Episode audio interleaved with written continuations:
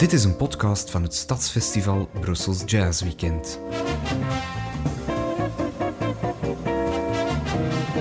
Ben je nieuw in de jazz, dan is dit een ideaal vertrekpunt om je op weg te helpen. Dag luisteraars, welkom bij een nieuwe aflevering van Jazziness. Frederik Goossens is opnieuw tegenover mij. Frederik, vorige keer hadden we het over fusion. Eerder ging het ook al over free jazz. We hebben allerlei termen gehoord als funky, avant-gardistisch, herinner ik mij, elektrische instrumenten. Vat ik daarmee de jazz van de jaren 70 volledig samen of ontbreekt er daar nog een facet? Ja, het lijkt wel alsof die fusion eh, de, de hele jazz op dat moment aan het overspoelen is. Het is ook het grootste label, CBS, het vroegere Columbia, dat, dat daar schouders onder zet. En uh, dat zijn ook de best verkochte artiesten, die fusion-artiesten van de jaren 70. En anderzijds had je in de kantlijn die avant-gardisten, free jazz-muzikanten, die probeerden om de grenzen van wat jazz en wat improvisatie is te gaan uitbreiden, te gaan. Uh, te gaan neerhalen. En daartussenin zat er toch weer nog iets anders.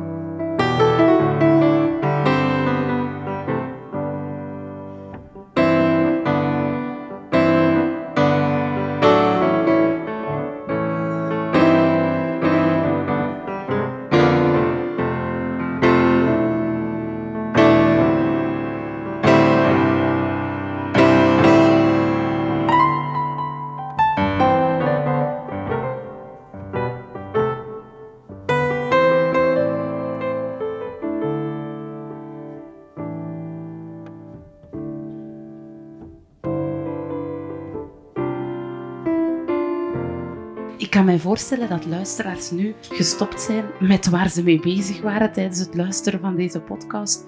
Dat is echt muziek die je doet stilstaan, vind ik. Ja, ja, het is, het is echt muziek om bij weg te dromen. Hè. Ja. Uh, en je naar een andere wereld te transporteren bijna. Wie uh, is dit, Frederik? Dit is pianist Keith Jarrett. En de plaat waar we nu heel even naar geluisterd hebben. Het is een dubbel LP, dus je kan er heel lang van genieten als je wilt. Dat is een van de best verkochte jazzplaten ooit. Dat is echt een album dat gerust naast Kind of Blue of Love Supreme van Coltrane of Time Out van Dave Brubeck kan staan als een van de best verkochte uh, en, en een van de meest legendarische platen uit de hele jazzgeschiedenis. Het is een live concert. Het is opgenomen in Keulen. Het heet dus ook de Keulen Concert. Uh, dat is echt een naam die we moeten onthouden. die we willen onthouden. Ja, het is nogthans een concert dat niet echt uh, onder, een, onder een heel veelbelovend gesternte begon. Uh, pianist Keith Jarrett was op dat moment al een, al een bekende figuur. Hij was begonnen als heel jonge kerel. Het is ook zo een van die wonderkinderen van de jazz. Net zoals zijn collega pianist Herbie Hancock, die, die herinner je misschien nog, Ja, hè, die ook bij Miles Davis gespeeld had, was dat zo iemand die als jonge kerel al alles kon. Hij is in de jazz eh, gekomen eh, als pianist van Art Blakey en de Jazz Messengers. Die kennen we ook Die al. hebben we ook al genoemd. Dat ja, is eh, de band van de hardbop, de universiteit van, van heel wat muzikanten. Daar leer je de stijl. En van daaruit is hij beginnen spelen heel even bij Charles Lloyd. Dat was een saxofonist die zelf ook al wat de grenzen van de jazz aan het opzoeken was. Nog altijd is trouwens, want hij speelt nog altijd prachtige muziek, die Charles Lloyd. En rond het eind van de jaren 60 had, had hij een band eh, die heel erg populair was. Die ook wat de, de fusion, die vroege fusion opzocht. En het is van daaruit dat Keith Jarrett uiteindelijk bij de grote fusion held terechtgekomen is. Dat is Miles Davis. En eh, tegen die tijd wist iedereen wie Keith Jarrett was. Maar bij Miles Davis speelde hij nog elektrisch orgel. Het is in feite een van de weinige momenten dat hij achter zo'n elektrisch ding zat, want hij, hij, haatte dat. Hij, hij hield van de klank van een, eh, een akoestische piano en ook de expressieve kracht die dat instrument had. Want je mag niet vergeten, Keith Jarrett is een van de grote virtuoze, piano-virtuozen van de 20e eeuw, van de 21e eeuw. Het is echt een van de allergrootste levende pianisten. Vaak is die reputatie gebouwd op eh, de recitals die hij, nadat hij bij Miles Davis wegging, beginnen geven is als solo-pianist op, achter een grote akoestische vleugelpiano. En die recitals waren letterlijk streams of consciousness. Hè? Echt de stromen van inspiratie uit het moment. Niks van wat je hoort op dat Kullen-concerto was gepremediteerd, was voorbedacht. Dit is puur uit de lucht gegrepen. Dit is echt kun je je de toch bijna niet voorstellen. Nee, dat kan je je niet voorstellen dat je een dergelijke perfectie bereikt door gewoon naar de toetsen toe te Oh. komen en te beginnen spelen. Dus elk van die concerten was een echt evenement. En in Keulen die avond kwam Keith Jarrett toe en eh, hij had dan al een, hele tournee naar het schijnt achter de rug. Had een aantal dagen niet goed geslapen, van de ene plaats naar de andere eh, gevoerd. En was eh, eigenlijk de, de, de moeheid al een klein beetje voorbij. En eh, daar stond Manfred Eicher. En Manfred Eicher, dat is ook een man waar ik iets over moet vertellen. Die was eh, op het eind van de jaren 60 eh, met een label begonnen, een platenlabel in Europa. Dat heette, of heet nog steeds, want de man is nog altijd heel actief, ECM. En ECM staat voor Editions of Contemporary Music. Dus niet ECJ, Editions of Contemporary Jazz. Nee, het is music. Dit is duidelijk Bewust ruimer of... eh, ja, echt een, een, een platform dat bewust ruimer is dan eh, dat, dat nauwe genre dat eventueel jazz zou kunnen zijn. En de afspraak was dat hij met Keith Jarrett een nieuwe plaat zou gaan opnemen. Maar Jarrett Moe, daarboven de piano die voorhanden was, was niet van het beste exemplaar. Je hoort dat ook op de opnames. Het heeft een nogal metaalachtige sound, eh, die, die natuurlijk heel veel karakter verleent, maar die misschien niet ideaal is. Hè. Het, is het is iets waar een klassieke pianist onmiddellijk eh, de rug voor zou keren. En hij stond niet 100% juist gestemd ook. Het klinkt een klein beetje vals. Maar ondanks dat alles begint Keith Jarrett daar die avond te spelen en creëert daar die droomachtige atmosfeer. Dat, ja, je treedt daar echt een, een klankwereld binnen waar je, waar je ja, als een soort warme deken omhuld wordt door eh, muziek. En dat is, dat is een gewijde ervaring bijna. Het zijn ook wat religieuze momenten hoor, die, die concerten van Keith Jarrett. En, en eh, af en toe eh, ging hij zelf ook zodanig mee met wat hij speelde dat hij wel in extase leek. Hij, hij, hij veert terecht vanuit eh, de stoel en hij begint met, met de ogen naar boven. eh, van achter in zijn hoofd gedraaid, mee te kreunen op die muziek. En dat is ook iets eh, wat je hoort op, op die opnames. Hè. Je hoort hem echt meekreunen. Maar het, het duidt wel mooi op die overgave die altijd centraal staat in die muziek. Als je daar naartoe gaat, dan eist Keith Jarrett ook van het publiek door complete toewijding. Als je daar een beetje te veel kucht of met je stoel schuifelt of, of oh van die stoel weg zou gaan om, om ergens naartoe te wandelen, dan riskeer je dus dat hij in, in een colère recht staat en het publiek begint uit te maken. Er is zo'n fantastisch filmpje op YouTube. Uh, hij staat op Umbria Jazz. Uh, en, en ehm, een jazzfestival in Perugia in Italië. Je kan je al voorstellen in de zomer in Italië, al die Italianen oh. die natuurlijk van een toffe avond willen genieten en ze praten al graag met elkaar. en dat is natuurlijk tegen de zin van Keith Jarrett. En hij begint die mensen eruit te maken. Het is fantastisch om te zien eigenlijk. Maar iets wat ook heel erg opvalt in, in die improvisaties van Keith Jarrett is hoe ja, weinig ze soms refereren naar die pure jazztraditie. Hoe weinig ze nog volgens de traditie swingen, bijvoorbeeld. Of uh, bewust refereren naar die blue notes. Alle, alle waarmerken van echte jazz zijn een klein beetje naar de zijlijn verschoven. In de plaats komen van die Chopin-achtige melodieën of, of, of Bourdon-achtige dreunen. De, de, dezelfde toon altijd in de bassen die verder gaat waarover geïmproviseerd wordt. Dus het is een andere soort van muziek. Muziek die, uh, die, die letterlijk de ramen naar een heel brede klankwereld openzet. En dat zag je ook in de groepen van Keith Jarrett die hij naast zijn soloconcerten samenstelde. Hij had een Amerikaans kwartet en daarnaast had hij ook een Europees kwartet. En dat was samengesteld uit muzikanten uit de ECM-stal die vooral vanuit Scandinavië kwamen. En het is vanuit die Scandinavische jazzmuziek of die Scandinavische benadering van jazzmuziek dat die hele sound van dat nieuwe label ECM ook komt. Het geluid van verstilling, van uh, meditatie. De baseline van dat label was, als ik het me goed herinner, the most beautiful sound next to silence op de duur is dat label, dat ECM-label, bijna een, een hele jazzstijl op zich geworden. Dit is het Europese kwartet van Keith Jarrett, samen met uh, Scandinavische muzikanten. Uh, Jan Garbarek, Palle Danielsson en Jon Christensen heten ze. En het stuk heet My Song.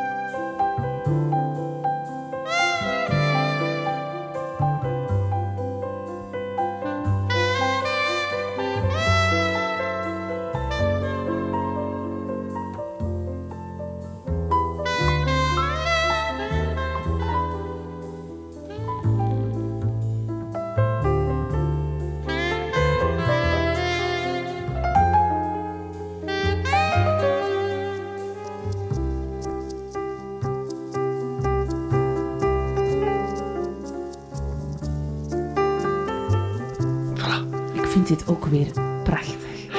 Ja, ik ben officieel fan van Keith Jarrett. Mooie, meeslepende melodie alweer. En ook prachtig, de, de saxofoon. Het is een sopraan-saxofoon die je hoort. Uh, van uh, die Noorse saxofonist Jan Garbarek. En Jan Garbarek is zo'n typische figuur binnen de ECM-stal. Het is uh, een Europese muzikant, Scandinavische muzikant, die van de Scandinavische volksmuziek uh, gebruik maakt om daar melodische inspiratie uit te gaan halen. En, en daarmee een heel nieuwe soort van, van wereldjazz creëert. Ook zijn toon is zo heel erg bijzonder. Hè doet mij altijd een klein beetje denken aan een, aan een schalmei of zoiets. Zo'n een, een, blaasinstrument dat een herder gebruikt om zijn, zijn kudde schapen samen te roepen. Hè. Die, die wijdse vlakten die, die je daar ziet in het, in het noorden. Hè. Zelfs geen bomen te zien, hè. glooiende landschappen. Met ganzen die overvliegen op weg naar de warmte van het zuiden. En dan die toon die klinkt alsof dat die volledig diep gevroren ergens zit.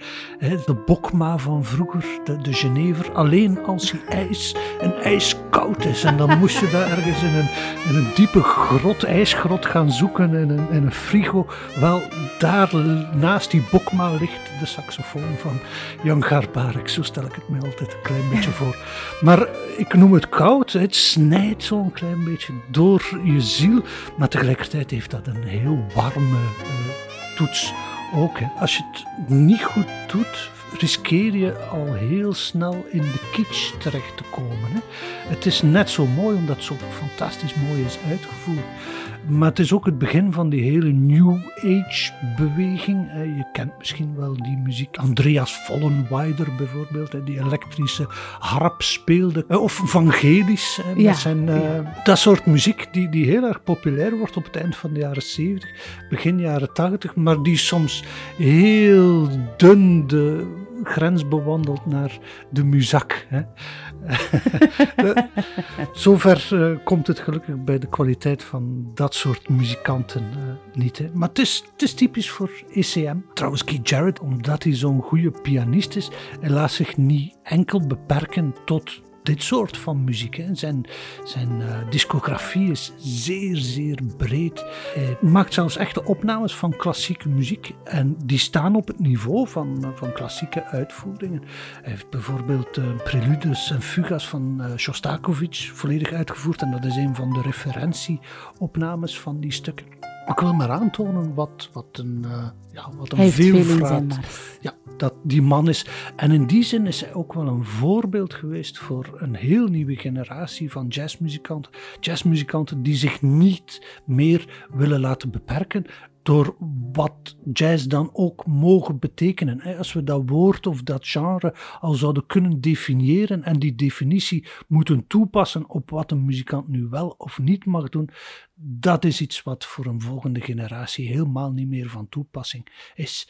Het, het, is bijna alsof elke nieuwe generatie wil dat woord of dat genre gaan herdefiniëren vanuit zijn eigen achtergrond. En die kan heel, heel divers zijn. Veel muzikanten groeien op met, zeg maar iets, Pink Floyd of Metallica en komen op die manier tot geïmproviseerde muziek en maken hun soort van jazz.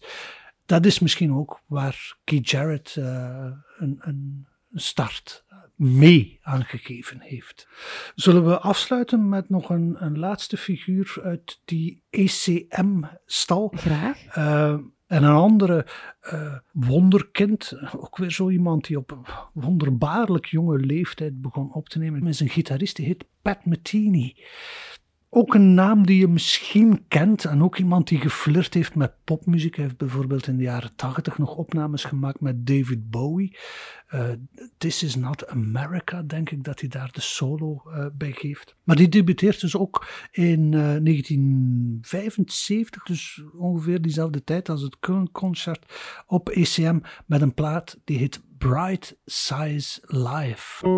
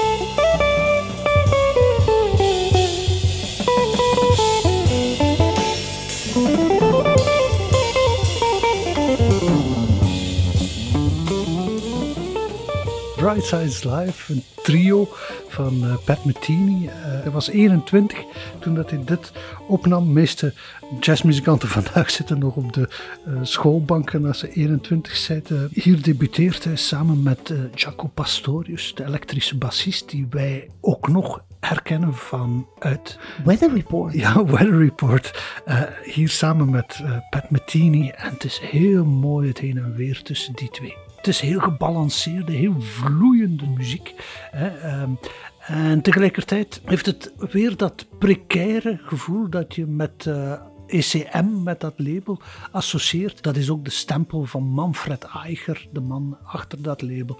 En het is typisch ook als je uh, soms de carrière bekijkt van muzikanten die buiten dat label om opnames gemaakt hebben die soms heel extravert zijn, dan uh, wanneer ze bij ECM komen, schuiven ze onmiddellijk in, in die esthetiek van dat label. Je kan bijna zeggen, het is een genre op zich, ECM jazz. En als ik kijk naar je ogen, is het echt iets voor u. Ja, ik denk dat dit een van mijn favoriete afleveringen tot nu toe is.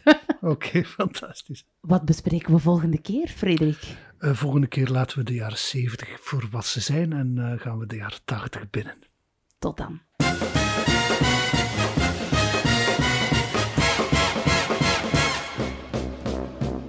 Bedankt Ellen Leemans en Frederik Goossens. Jazziness wordt gemaakt door het gratis stadsfestival Brussels Jazz Weekend. Omwille van de coronacrisis is het festival uitgesteld tot 28, 29 en 30 mei 2021. Abonneer je op de podcast om op de hoogte te worden gehouden wanneer nieuwe afleveringen verschijnen. Vind je dit een interessante podcast? Geef ons dan een goede review, zo worden we makkelijker gevonden door nieuwe luisteraars.